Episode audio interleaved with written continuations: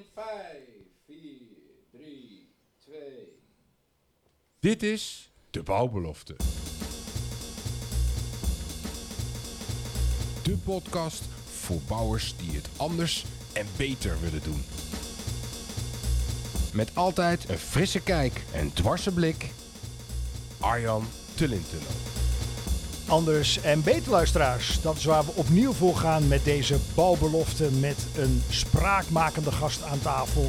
Opnieuw een spraakmakende gast mag ik eh, zeggen. Welkom Gabi, Gabi Abdella.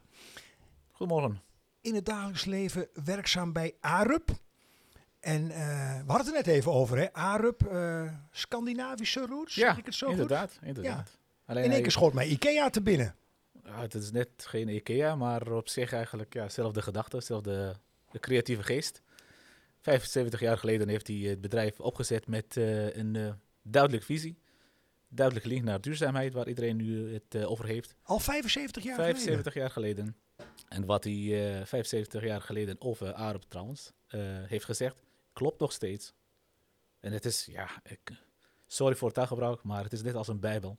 Het klopt nog steeds. Daar hoef je geen sorry voor te zeggen ook, Gabi. Ja, voor sommigen zou het zo misschien. Alleen wat mij dan uh, fascineert nu al, uh, 75 jaar geleden. Ja.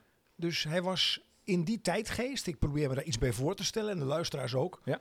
Mag je zeggen een visionair? Absoluut, absoluut, geen twijfel. Als je in die tijd in staat was om uh, gebouwen zoals de Opera House van Sydney te bouwen, want dat was een totaal andere techniek, nou dan ben je een visionair. Absoluut. Als je vanaf die tijd dacht aan duurzaamheid en een andere soort organisatie, want ja, AROP is een soort, uh, een soort, uh, uh, hoe moet ik zeggen, een soort participatie eigenlijk. Ja, ieder werknemer is een eigenaar van het bedrijf. Dan heb ik het echt to over totaal andere, andere bedrijfsvoering. Dat is een interessante. Ja. Ja, ja. ja dus zouden we al een podcast op zich aan kunnen wijden, denk ik. Hè? Dat, dat denk ik wel, maar volgens mij gaat uh, vandaag onze podcast over iets anders. Maar dit is eigenlijk de basis voor een succesvol bedrijf, absoluut. Nou, wat ons betreft kunnen ook dit soort zijsporen echt wel bewandeld worden. Want het draagt allemaal bij aan wat je uiteindelijk wil. Dat je met een team van bevlogen mensen hè, aan de slag gaat met de dingen die je doet. Je houdt je bezig met het ontwikkelen en toepassen van digitale en datagedreven processen en producten. Ja. Toen dacht ik, jemig, dat roept toch ieder ICT-bedrijf, ICT-achtig bedrijf. Ik praat even door de bril van de leek, hè? Ja. En, en, en ja, wat is dat dan? Digitale en datagedreven processen. Nou, je, je hebt het uh, over uh, elk ICT-bedrijf roept zoiets, dat klopt. Maar iedereen kan ook een telefoon bouwen, een smartphone. Alleen de vraag is, wie bouwt de slimste apps om gebruikt te worden op zo'n telefoon? En dit zijn eigenlijk de ingenieurs. Dit zijn wij. Dus wij maken gebruik van ICT-mogelijkheden die door uh, ICT-bedrijven worden ontwikkeld. Bijvoorbeeld een platform voor data-analyse of softwarepakketten. Maar uiteindelijk heb je domeinkennis nodig om daar het meeste uit te halen. En dat zijn wij. Dus wij ontwikkelen ook eigen tools.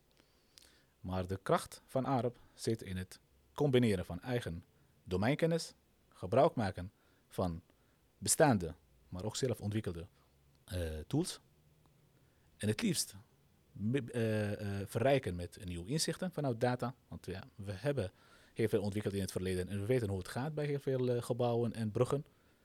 En dat stelt ons in staat om in de toekomst, maar nu ook, betere bouwobjecten te bouwen. Dat klinkt goed. we gaan het onder meer ook hebben straks over digitale transformatie en zogenaamde digital twin. En ik had het net even over een stukje voorbereiding. Als je daar een beetje induikt, dan buitel je de hippe Engelstalige termen uh, om de oren. Um, even actueel. Um, jullie bedrijf is um, vanwege jullie Digital Twin aanpak genomineerd voor de Rabo Innovation Challenge. Dat wat betreft slim en gezond. Ja. Nou, slim, dat kan ik me voorstellen, hè? want we gaan het hebben over gebouwen zometeen. Gezond, denk ik gelijk aan. Ja, ook zo'n jeukwoord anno nu, hè? Vitaliteit. Ja, inderdaad. En, en, en, toen kreeg ik even kortsluiting, slim en gezond. En een gebouw. Ja, ik denk Leg eens uit. Bij, bij zo'n vraag moet je bij de organisatie van, van de challenge zijn.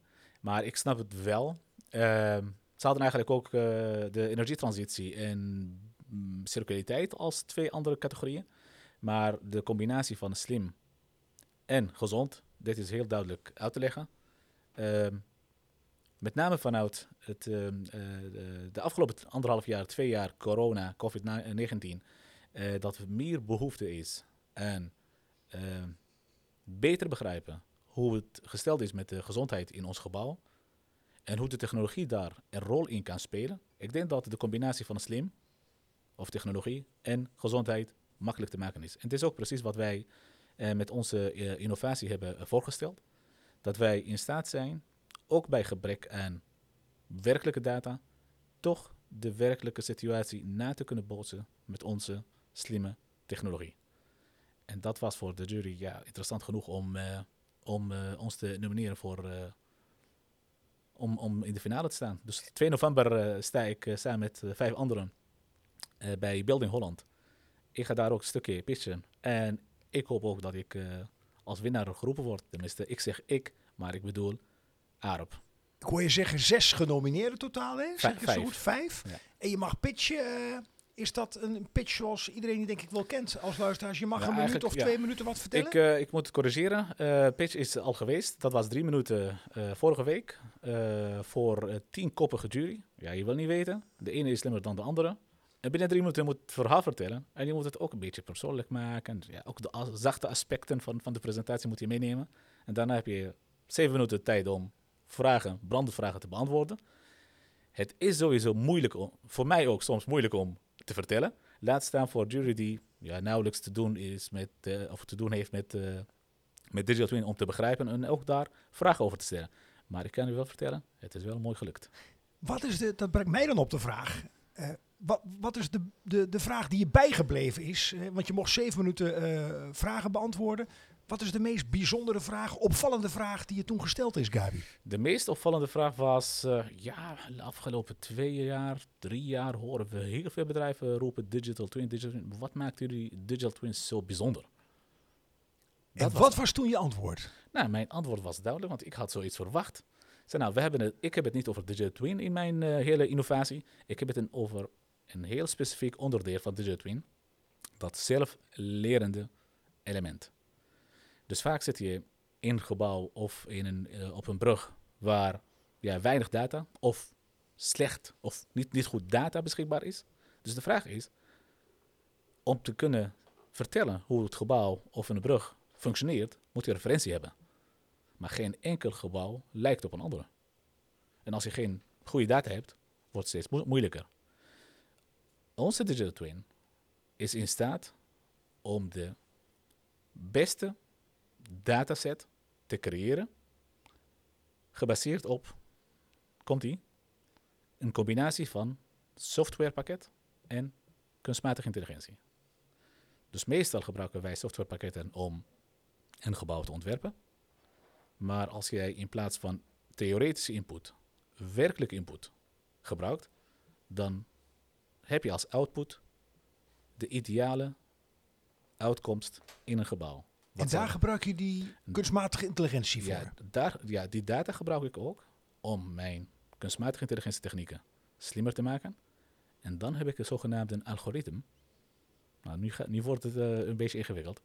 Zo'n algoritme wordt eigenlijk opgevoed of ook getraind met zo'n data. Dan heeft hij eigenlijk het beste trainingsdata.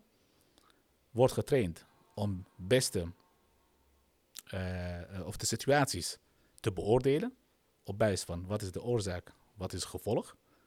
En daarmee zijn wij in staat om te zeggen, bij bepaalde situaties zien we dat bepaalde systemen of niet goed worden gebruikt, of niet goed functioneren, met de oorzaak, met een voorstel voor verbetering. En als je dat hebt, dan kun je ook tegen de werkgever zeggen, jullie willen bijvoorbeeld in 2030 energie-neutraal worden. Ik kan voor jullie een route uitstippelen. Welke pakketten moeten toegepast worden bij welke momenten om toch die te bereiken. Gebaseerd op werkelijke data en een bewezen technologie. Hoe, hoe mooi is dat? Nou, ik, ik, ik, eh, waar kan ik het kopen? Ik wil het gelijk hebben. Mijn visitekaartje heb je. Even dan terug naar ehm, ook onze luisteraars. Is dan een digital twin niks meer en niks minder dan een digitaal model van een gebouw? Of ga ik dan te kort door de bocht? Nee, daar begint het mee. Ehm, een digital twin is, ja, dat, het, het woord zegt het ook. Het is een kopie van het gebouw. Zoveel de geometrie van het gebouw, eh, eigenlijk ja, de vorm van het gebouw, maar ook de dynamiek van het gebouw. Ehm, En wat iedereen, bedoel je dan met dynamiek, ja, eh, Gabi? Nu, nu komt het. Ehm, we hebben het vaak over een gebouw, een visualisatie van een gebouw. Dus je kunt een gebouw laten zien, laten draaien. Dit is eigenlijk goed voor communicatie. Maar uiteindelijk gaat het over de gebruiksfase. En in de gebruiksfase heb je data of informatie die in de ontwerpfase of niet helemaal bekend zijn of niet helemaal correct zijn. Dus zijn eigenlijk meestal theoretische aannames. Maar in de gebruikfase heb je die al. Die verzamel je door data vanuit sensoren, systemen zelf die data verzamelen, maar ook de gebruikers. En dat bij elkaar maakt eigenlijk het dynamisch deel van, van Digital Twin. Want je hebt het niet over statisch data, het zijn gewoon data die met het uur veranderen.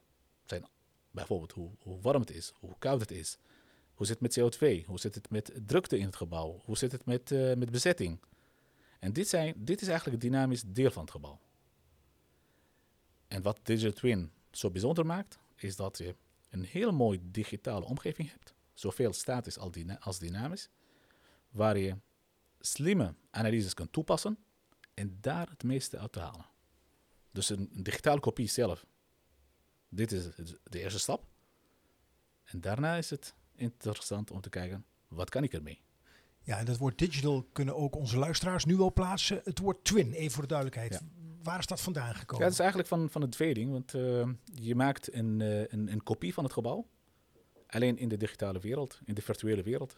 Daarom noemen we het eigenlijk digital twin. Dus ze zijn precies hetzelfde, hebben ze precies hetzelfde DNA. Alleen de ene is fysiek, staat, en de andere is gewoon virtueel. Later eh, in deze podcast gaan we het nog hebben over een link naar wetgeving. Want als ik denk aan data, en dat zullen luisteraars herkennen, dan denk je ook aan een vraag als van wie is dan die data? Maar daar komen we straks nog over te spreken. Bij Digital Twin heb je ook te maken met vijf niveaus, als ik het goed zeg. Hè? Eh, N1 tot en met N5. Ehm, even in volgevlucht. Vertellen, verklaren, voorspellen. Acties voor systeemverbetering. Controle en zelf acties uitvoeren. Ja, als ik dan even een bruggetje sla naar management, dan heb je ook vele eh, hè, eh, modellen. Denk aan het bekende Plan, Do, Check, Act model. Ehm, mij bekruipt dan een beetje het gevoel, en waarschijnlijk onterecht, van ja, mooi op papier, maar wat komt daar nou feitelijk van groot? Wat kun jij daarbij vertellen? Ehm, we hebben het hier over de, vo- eh, de vol- volwassenheid van, van zo'n digital twin. Dus eigenlijk, wat kan een digital twin eh, eh, opleveren? En je hebt ook gelijk, het- gaat over vijf niveaus. Hoe hoger, hoe slimmer, hoe meer autonoom. Dus het is ook een soort ehm, waardering voor een gebouw. Ik kan dus een, een, een, een N4-waardering krijgen, maar ook een N5. Of zie ik het dan verkeerd? Ja, niet voor het gebouw, maar voor, voor de digital twin. Of voor Mhm. de digitale kopie. Dat, dat klopt.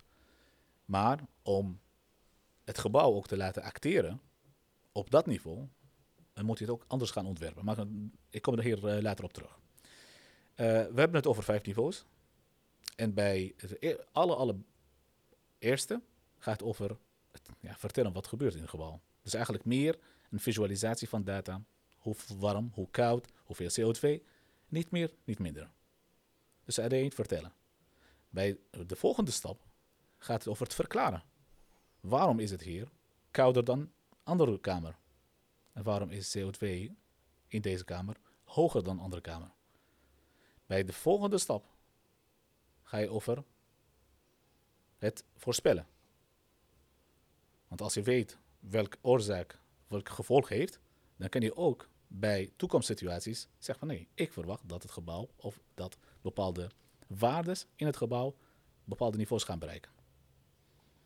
En als je dat kunt doen, dan heb je ook voorstellen te verbeteren. Want als je weet waar de oorzaak vandaan komt, dan kan je ook zeggen van hé, om te verbeteren moet je daar gaan kijken. En bij het allerhoogste niveau zou de, op basis van de inzichten zou de digital twin kunnen aansturen of het gebouw aansturen. Dus bijvoorbeeld denk aan het ehm, ehm, wijzigen van een setpoint, open, dicht doen van kleppen. Dus dit soort handigheid, slimheid, controle, dat bereik je eigenlijk op het hoogste niveau. En dat gaat dan volledig automatisch, gestuurd door data En Juist. de techniek die daarachter Ja. zit. Zien we het zo goed? Ja, dat klopt. Eh, op dit moment gebeurt dat op eh, eigenlijk wat, wat lager niveau. Meer wijzigen van setpoint. Omdat wij gebouwen nog niet ontwerpen om gecontroleerd te worden. Dus om, eh, om Digital Twin een gebouw te kunnen aansturen, moet het gebouw ook in staat zijn om dit soort eh, zo'n bevel te ontvangen en ook te acteren. Dus het is niet alleen de digitale kopie die slim moet zijn, maar ook het gebouw zelf moet in staat zijn om te acteren op basis van acties. Mag ik me even terugbrengen naar de thuissituatie, als ik jou goed begrijp? En ook de luisteraars. Eh menigeen zal een klokthermostaat thuis hebben. Die stel je nog handmatig in op vaste tijden. Ja. Stel, ik koppel daar digital twin eh gedachten aan toe. Dan eh, weet het systeem automatisch hoe mijn leefgewoontes in huis zijn. Wanneer ik vroeg wegga, laat wegga. Bedenk het maar. in één keer een zware noordenwind, een stevige noordenwind die in de herfst op mijn huis afkomt. En dan stelt hij alles als vanzelf in. En dat zou eigenlijk eh, eh, zo'n digital twin voor een, een huis zou ook weten dat, eh, dat Arjen rond half zes thuis is. Dat Arjen Door die algoritmes, door de patronen. Ja, Ja. ja. maar je kunt het ook zelf invoeren als, als input. Dan kan je ook weten van, hey, eh, ik weet dat je meestal eh 20 graden of 20,5 als een, een optimaal eh, eh, eh, eh, eh, kamer, kamer, ja. kamertemperatuur is. Dan gaat hij zelf, in plaats van het draaien aan, de, aan zo'n thermostaat, gaat hij zelf de instelling van zijn thermostaat bij een bepaald tijdstip gaat hij gewoon wijzigen. En daar heb ik het over het voorspellend gedrag, maar ook het aansturen van bepaalde onderdelen. Dus zo'n digital twin kan verbonden zijn, ja, niet kan, het moet verbonden zijn met, met zo'n thermostaat. Gaat hij de temperatuur van bijvoorbeeld 19 naar 20,5 en op die manier gaat de ketel, of het liefst geen ketel, geen gas, maar een warmtepomp, gaat hij gewoon draaien op tijd om de kamertemperatuur 20,5 te laten maken, zodat hij komt met een aangenaam binnenklimaat. Als je dan kijkt, eh, klein zijpaadje misschien, eh, Gabi, naar die energietransitie, waar veel over te doen is, juist in het hier en nu. Ehm, zie je dan dit ook toegankelijk worden voor de woningmarkt? Dit soort gedachten, dit soort technieken? Ehm, dat gebeurt op dit moment, maar niet op het niveau van een, eh, een compleet eh, digital twin. Want vaak is de technologie, de, ja, tenminste hoe, hoe ik het ervaar, de technologie voor, voor digital twin, voor woningen, is te duur. Om daar rendement uit te Ja, halen, in welke ja. vorm dan ook. Of je moet gewoon eh, accepteren dat je een paar duizend euro gaat investeren om jouw gebouw slimmer te maken. Maar het is nog steeds voor, voor een gemiddelde bewoner is nog niet iets wat eh moet hebben. Dat is toekomst. Ja, ja, eh, ja dat kan. We zijn nu, ik, ik ben zelf bezig met, met huisbouwen. En daar wil ik eh, het liefst een digital twin van maken. Maar ik, ik, ik probeer het ook praktisch te, te houden. Dus groot deels van smart homes ga ik toepassen. met de optie om uiteindelijk een digital twin van te maken. Dat ga ik gewoon doen. We houden het in de gaten. Komt goed. Even ehm, iets terug in het gesprek. Je zei ehm, zo in een bijzinnetje, toepasbaar voor een gebouw, maar ook voor een brug. Ja. Nou, een gebouw, dat snappen we denk ik allemaal. Ehm, een brug, ik denk ja, een brug is een brug. Dat klopt. Wat is daarvoor, wat is daar dynamisch aan? Mag ik het zo vragen? Ja, Wat een digital twin dus aanpak rechtvaardigt. Eh, wat wij merken, tenminste, je hebt wa- waarschijnlijk het nieuws gevolgd van de afgelopen maanden, maar ook jaren, dat, dat eh, veel bruggen in Nederland opeens niet meer gebruikt kunnen worden. De Vanwege bekendste is, meen ik, een van de snelwegbruggen over de Waal, als ik het goed zeg. Ja, je ziet wel schuurtjes overal. ehm, ehm, inspectie die vaak ehm, ja, visueel wordt gedaan. En vaak zijn we eigenlijk een beetje achteraf, want als er schuurtjes ontstaan zijn, dat betekent dat de conditie van de brug nog niet, of niet eh, veilig genoeg is om gebruikt te worden. En de vraag is, hoe maak je gebruik van data, van digitalisering, om dat punt, pijnlijk punt, voor te zijn? Dus wat wij aan het doen zijn bij twee van, van, van bruggen hier in Nederland. We hebben sensoren geplaatst in de bruggen, waar wij de belasting op de bruggen kunnen meten, maar ook hoe bepaalde onderdelen van de brug reageren. Nou, als jij software hebt of als jij methode hebt om een gebouw te ontwerpen op basis van theoretische belastingen, stel dat je zelf de techniek gebruikt met werkelijke belasting.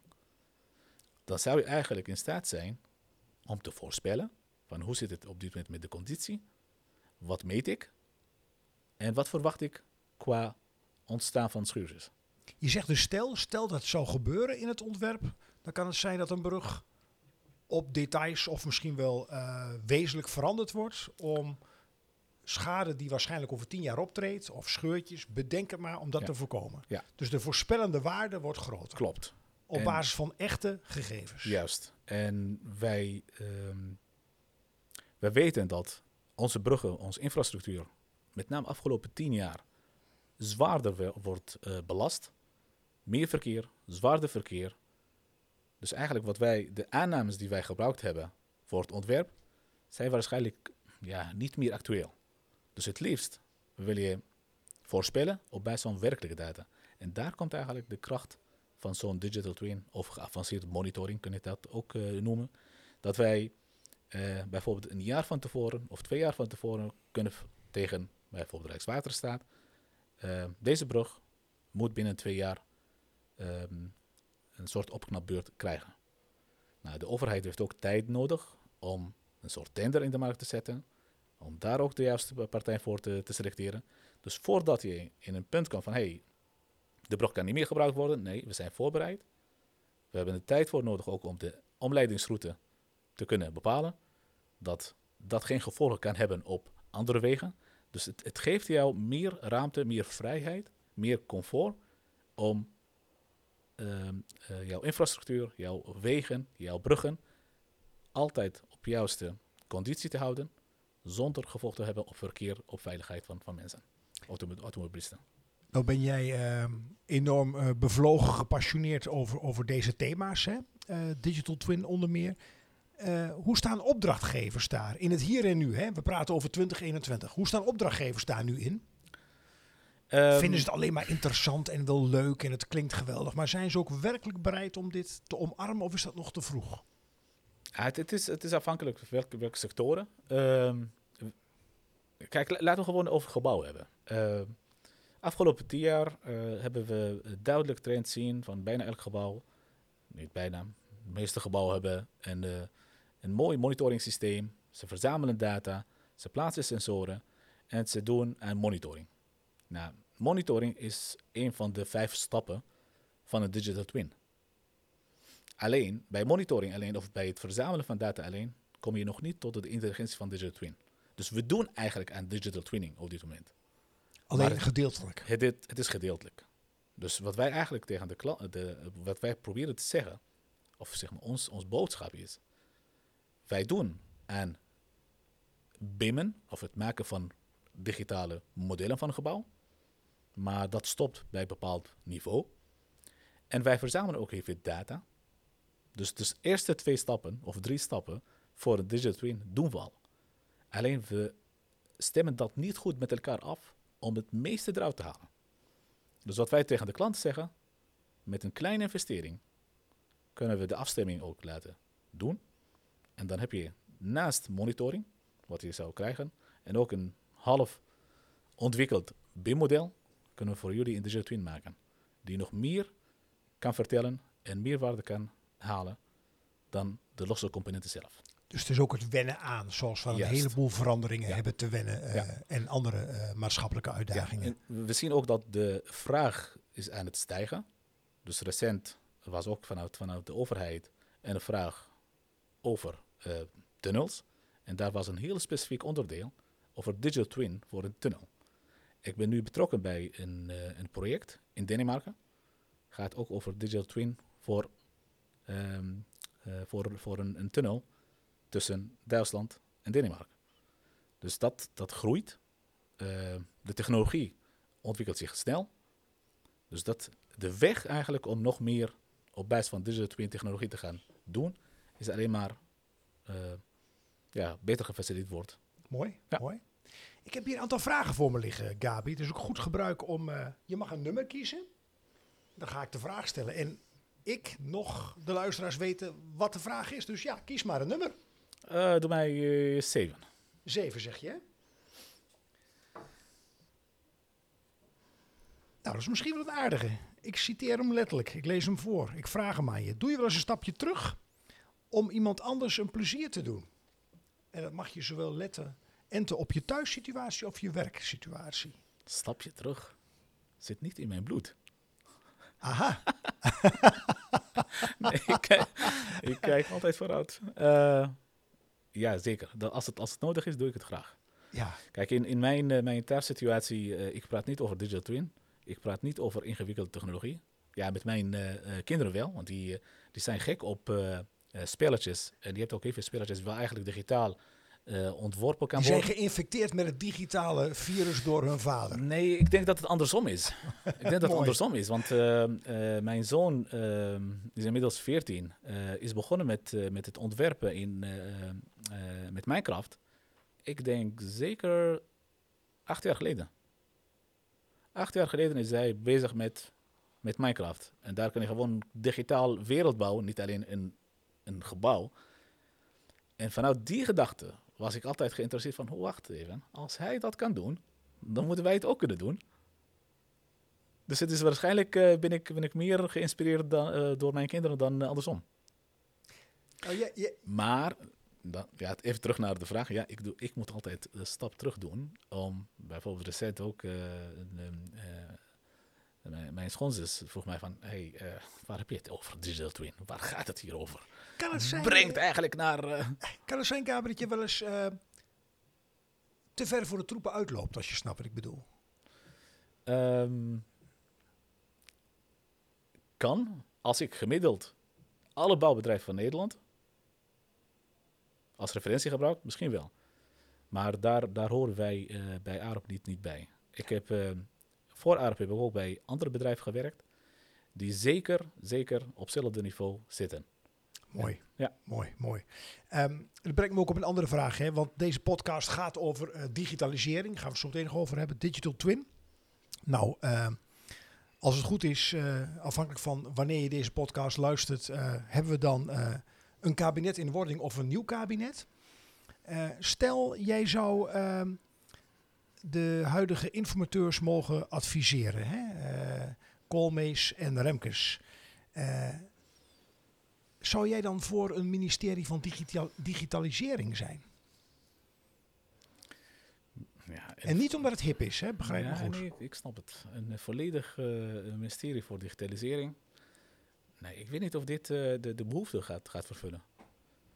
En waar komt je reserve vandaan? Want die proef ik een beetje. Ehm, wil je iets in beweging brengen, dan moet zo snel mogelijk eh, praktisch worden.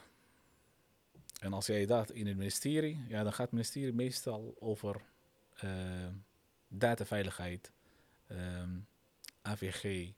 ehm. ik denk dat wij meer baat hebben bij het, ehm, eh, het maken van afspraken. Afspraken. Kijk, als ik het heb over, over digitalisering. Hè? Ehm, afspraak maken over ons datastelsel. Nou, daar ga ik iets over vertellen. Op dit moment gebeurt ook. eh, je hebt de, de DigiDeal Go. Eh, het is eigenlijk op eh, nationaal niveau wordt afspraken gemaakt over hoe gaan we met elkaar eigenlijk, welke afspraken maken we met elkaar als het gaat om data. Want als jij datamodel hebt en ik een ander datamodel, maar ik maak gebruik van jouw data en jij van mijn data, welke afspraken met, moeten we met elkaar maken om toch die eh, uitwisseling van data te kunnen garanderen? Dus dit, dit soort praktische eh, afspraken, daar hebben we behoefte aan. En, en kijk het dan, eh, zonder er nu te diep op in te gaan, maar heeft het dan voldoende aandacht vanuit Den Haag? Ja, dat, als, Dat ik zie. Ja, als ik zie wie, wie allemaal betrokken bij is, eh, ja, het heeft voldoende aandacht. Maar uiteindelijk komt eh, de versnelling vanuit, eh, vanuit het bedrijfsleven. Want wij zitten eigenlijk met de behoefte. En waar behoefte is, is een actie. Dat is een mooie. Waar behoefte is, is een actie. Nou, Dat is kort samengevat de uitdagingen waar we als land voor staan misschien wel. Ehm, je bent al vroeg vertrokken vandaag. Ehm, eh, even een andere vraag. Wel of geen ontbijt morgens? Wel. En wat voor ontbijt? Ik had eh, drie sneetjes brood Heel goed. met eh, verschillende drie soorten beleg. Dus in die zin zorg je ervoor dat je vitaal blijft. Absoluut. Dan even een bruggetje naar iets anders. Alleen ik Eh, heb ontbijt in de auto gehad. In de auto? Oké. Nou, dat hebben we even niet gehoord, want dat mag officieel niet. Hè? Of mag dat wel? Kun je er ook een bekeuring voor krijgen? Nee, nee, nee, nee dat, eh, dat, dat mag wel. Drie, drie sneetjes brood, dat kan je gewoon... Dat kan gewoon al rijden. ja. Anders had je geen eh, eh, drive restaurant, hè? Dat is ook weer zo. Ja. Ja. Gabi, ehm, van digital twin naar digitale transformatie. Ja, daar wordt ook werkelijk, als je, als je daarop losgaat, eh, je, je, je, voert het als, je, je, je voert het als zoekcriterium in in Google, dan, nou, dan heb je aan een week denk ik nog niet genoeg om alle informatie tot je te nemen. Voor de leken onder ons, ehm, digitale transformatie, wat verstaan we daar nu onder? Kun je dat in een paar zinnen aangeven? Een paar zinnen. Ik ga mijn best doen. Eh, het gaat voornamelijk over het vervangen of verbeteren van onze huidige taken en processen met meer of, eh, digitaal gedreven processen. Bijvoorbeeld, een voorbeeld. Ehm, wij werken vaak met lijsten. Je kunt de lijst ook maken met een app. Dat is eigenlijk op een heel mooie stap om van papier naar digitaal te gaan. En als je zo'n lijst met een app hebt gemaakt, dan gebruik je software en je gebruikt ook tablet. Dit is eigenlijk ook een stap richting digitalisering. En dit is ook wat wij in de bouw doen. Ehm, er zijn nog heel veel bedrijven die 2D tekenen. Er zijn nog heel veel bedrijven die op PDF opslaan, maar ook 2D printen. Maar er zijn ook heel veel andere bedrijven die de stap naar het 3D en naar digitale modellen hebben gemaakt. Dus in plaats van alleen maar tekenen, wij modelleren. En wat is modelleren? Dat is eigenlijk het ontwerpen of nabouwen van, van, van een object met digitale middelen. Dus in plaats van lijnen, we hebben het over 0 en 1. 0, 1, 0, 1. En waarom is dat zo interessant? Want 1, het stelt jou in staat om alles wat je ontwikkelt, kan je makkelijker overdragen naar een andere partij. Bijvoorbeeld als ik bezig ben met ontwerp en dat ontwerp moet overgedragen worden aan bijvoorbeeld een, een bouwfysicus om te gaan eh, testen, toetsen of bepaalde onderdelen te, eh, te verbeteren, dan kan ik eigenlijk het hele model, of ja, deels van het model, delen met zo'n met zo'n eh, partij. En die kan het ook meteen toepassen. Heb Dus- jij dan ook het idee, Gabi? bij mij roept het op, het klinkt heel logisch allemaal. Mhm. Ehm, misschien lastig om te beantwoorden, maar ik ga toch een poging wagen om het wat inzichtelijk te krijgen. Als je kijkt naar de bouwbranche, eh, Mhm. heb je het idee dat de, de sector op zich daar nu klaar voor is om ook dat te omarmen? Jawel, jawel. Ja, dat, dat, dat gebeurt eh, op groot schaal. Eh, je hebt zeker een groot, groot aantal partijen die daar al jaren mee bezig zijn. Die niet alleen ehm, eh, bepaalde processen, maar ook bijna het hele ontwerp tot en met realisatieproces gedigitaliseerd hebben. En ook de bestaande digitale technologie eh, omarmd en eigen hebben gemaakt. Dus dat, dat, dat loopt op dit moment. Ja, en tegenwoordig, als het gaat om wat complexere gebouwen, complexere bouwprojecten, ja, je kunt het niet meer zonder, zonder digitaliseren doen. Want dat kost je meer tijd, je verliest veel, veel informatie en het is ook herhalen van, van het werk. Wie is er uiteindelijk, ehm, wie is er uiteindelijk geholpen met, met wat we dan noemen die digitale transformatie? Als je kijkt in de hele keten. Als, je, als, jij mij, eh, als jij van mij één partij, eh, of zeg maar het naam van één partij verwacht, dan zou ik zeggen nee, die is er niet. Die zijn er veel. En ik begin altijd bij de klant. Want als Rijkswaterstaat ehm, een, een, een brug eh, wil laten ontwerpen en realiseren, dan hebben ze ook belang bij een soepele proces waar communicatie verbeterd is, waar het ontwerp geop- geoptimaliseerd is, waar ook naast de fysieke brug bijvoorbeeld, of weg, je hebt ook een de digitale kopie van. Dan heb ik het of, nog niet over digital twin, maar digitale kopie van, waar ook de partijen in de gebruiksfase gebruik van kunnen maken. Bijvoorbeeld beheer onderhoud. Dat kan je ook doen door middel van data en digitale middelen. Gaat veel sneller, slimmer. Je kunt ook de data beter uitwisselen met andere partijen. Dus voor Rijkswaterstaat kun je stappen verbeteren, het proces verbeteren en de kwaliteit van, ei- van eindproduct ook verbeteren. Dus dit is voor de eindklant. Maar ook iedereen die betrokken is bij, bij zo'n eh, keten, je hebt altijd één bron van de waarheid. Dat is eigenlijk dat digitaal kopie van het gebouw. Die ontwikkel je samen, die verrijk je samen met data per stap. En die kan makkelijk, makkelijker uitwisselen met andere partijen. Dus ik, mijn overtuiging is, iedereen in de bouwketen heeft daar belang bij. Alleen, we moeten ook onze organisatie ook daar klaar voor maken. En dat is een uitdaging op zich. Voor heel veel partijen is het, is het ja. Ja. ik begrijp het wel, het is gewoon een uitdaging. Maar het dit- is dit wel een pleidooi voor diezelfde digitale transformatie in algemene zin. Absoluut. Daar kunnen we niet meer omheen. Dat is geen gegeven of het gebeurt. het is al gaande. Nee, het is uite- uiteindelijk, eh, uiteindelijk is het ook eh, het, eh, diegene die het zich aanpast, die gaat overleven. Dat, Ja. dat hebben we altijd gehoord en dit is ook hier van toepassing. Ja. Als je straks, als jouw organisatie straks niet in staat is om de digitale transformatie eigen te maken, dat ja, op, in, in jouw eigen werkgebied, dan word je eigenlijk ingehaald door de concurrenten die beter gaan bouwen voor lager. Je mag nog één nummer kiezen. Voor we naar de wetgeving gaan. nummer, Nummer 1. Nummer 1. Waarvan of waardoor raak jij geïrriteerd? Zakelijk of privé? Jij mag kiezen.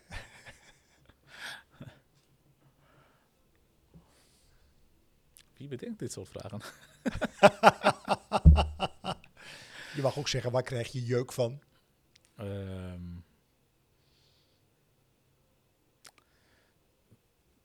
privé, maar ook zakelijk. eh, als je de, jouw gesprekpartner niet serieus neemt.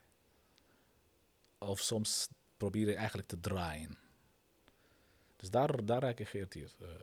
Ja, als je dat aanvoelt komen, dan, eh, ja. dan zien we een minder blije ja. Gabi aan tafel zitten of on- staan. onderschat, onderschat. het is niet alleen voor mij, maar over het algemeen heb ik het zo ervaren. Ja. Ja, dat, dat irriteert mij. Ja. Mooi, mooi. Niet dat het heel vaak gebeurt hoor, maar dat irriteert mij. Nee, maar goed, het is ook goed om je eh, eh, plekken te weten waardoor je eh, uit je doen kunt raken. Dat is ook menselijk, denk ik. Hè? Richting een afronding, Gabi. Ehm, wetgeving. Hè? Ehm, data, alles gaat via een kabel of via de cloud. Er wordt van alles verzameld. En je hoort al de eerste signalen dat mensen terecht of onterecht, maar daarvoor zit jij hier ook aan tafel, zich zorgen maken over ja, allemaal leuk en aardig, al die data. Maar van wie is nu eigenlijk die data? En dan trek je een lijntje door in het privédomein, wat veel luisteraars begrijpen, naar eh, de grote techbedrijven uit Silicon Valley. Nou, ik hoef maar Facebook te noemen en je weet genoeg.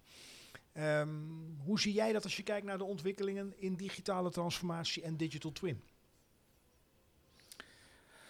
Kijk, eigendom van data is, eh, is en het blijft een, eh, een gesprekpunt.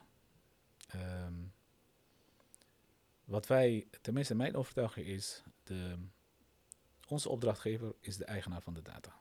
Maar het is gewoon, het wordt gecreëerd door eigen asset of door eigen gebouw, eigen mensen. Het blijft ook eigendom. Dus neem zo'n brug, dan blijft RWS, Rijkswaterstaat, eigenaar. Ik denk het wel. En het is ook de, de verantwoordelijkheid van de partijen plus Rijkswaterstaat om, ja, waar eigenlijk AVG van toepassing is, om die goed te borgen. Maar ook te zorgen dat de data die verzameld wordt, ook beschikbaar wordt gesteld aan diegene die dat nodig heeft ter verbetering van de diensten. Ehm, dus eigendom brengt ook verantwoordelijkheid met zich mee.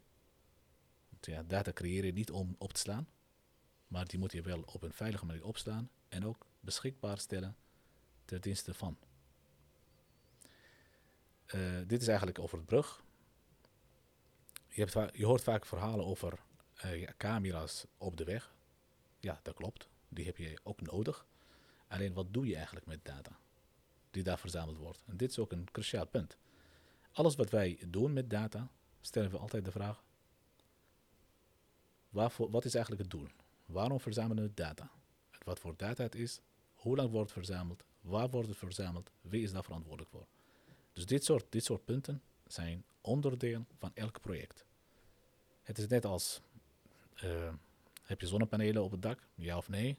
Van wie is dat? Eh, van wie is het gebouw? Hoe zit het met eigendom, eh, ehm, eh, eigendomsverhouding? Dus ja, voor, voor data is het niet anders. Alleen, alleen we, het is nog steeds een, een gebied waar het eigenlijk nog nieuw is. Het is voor heel veel partijen is nog te ontdekken. Maar mijn overtuiging is, eigendom van data is voor degene die data creëert of eigenlijk waar het eigenlijk vandaan komt. Ja. Dus asset. De vraag is, er komen andere vragen van, oké, stel, jij maakt gebruik van mijn data om jouw diensten nog slimmer te maken. Hoe zit het daarmee? Of je traint jouw algoritme met mijn data. Hoe zit het daarmee? Daar liggen nog uitdagingen als ik het goed absoluut. beluister. Wie is, wie is eigenaar eigenlijk van de intelligentie die ontstaat door gebruik maken van mijn data? Daar zijn we nog, eh, nog, nog, niet, eh, nog niet over uit. Ik heb zo het idee dat we daar alleen al een aparte podcast aan zouden kunnen wijden. Eh, laatste vraag, Gabi, voor nu. Ehm, wat zou jij onze luisteraars mee willen geven als je kijkt naar jouw expertise? Stel, ik heb een bedrijf. Stel, ik werk bij de overheid. Ehm, ik ben van mening dat eh, digitalisering en data op verschillende niveaus meerwaarde kan betekenen voor elk bedrijf. Dus maakt niet uit hoe groot, hoe klein het bedrijf is. Er is altijd bepaalde mate van digitalisering en datagedreven diensten waar uiteindelijk jouw bedrijf nog fitter en beter maakt. Nou, Maak daar gebruik van. Dat is een mooie afsluiting van deze eh, bouwbelofte. Eh, tijd gaat snel, Gabi. Eh, ik had nog vele vragen willen stellen, maar dat is het mooie aan, het, aan een podcast. Dat kunnen we altijd nog een volgende keer doen. Deze bouwbelofte is live opgenomen in Brasserie Guus in Zwolle. Mijn gast aan tafel was Gabi Abdella van Arup. Dankjewel. Ontzettend veel plezier, succes ook. En we zullen voor je duimen dat jullie met de award naar huis gaan. Hè? Als eh, in november eh, je je laatste verhaal gehouden hebt. Ehm, ik sluit af met de woorden tot de volgende bouwbelofte.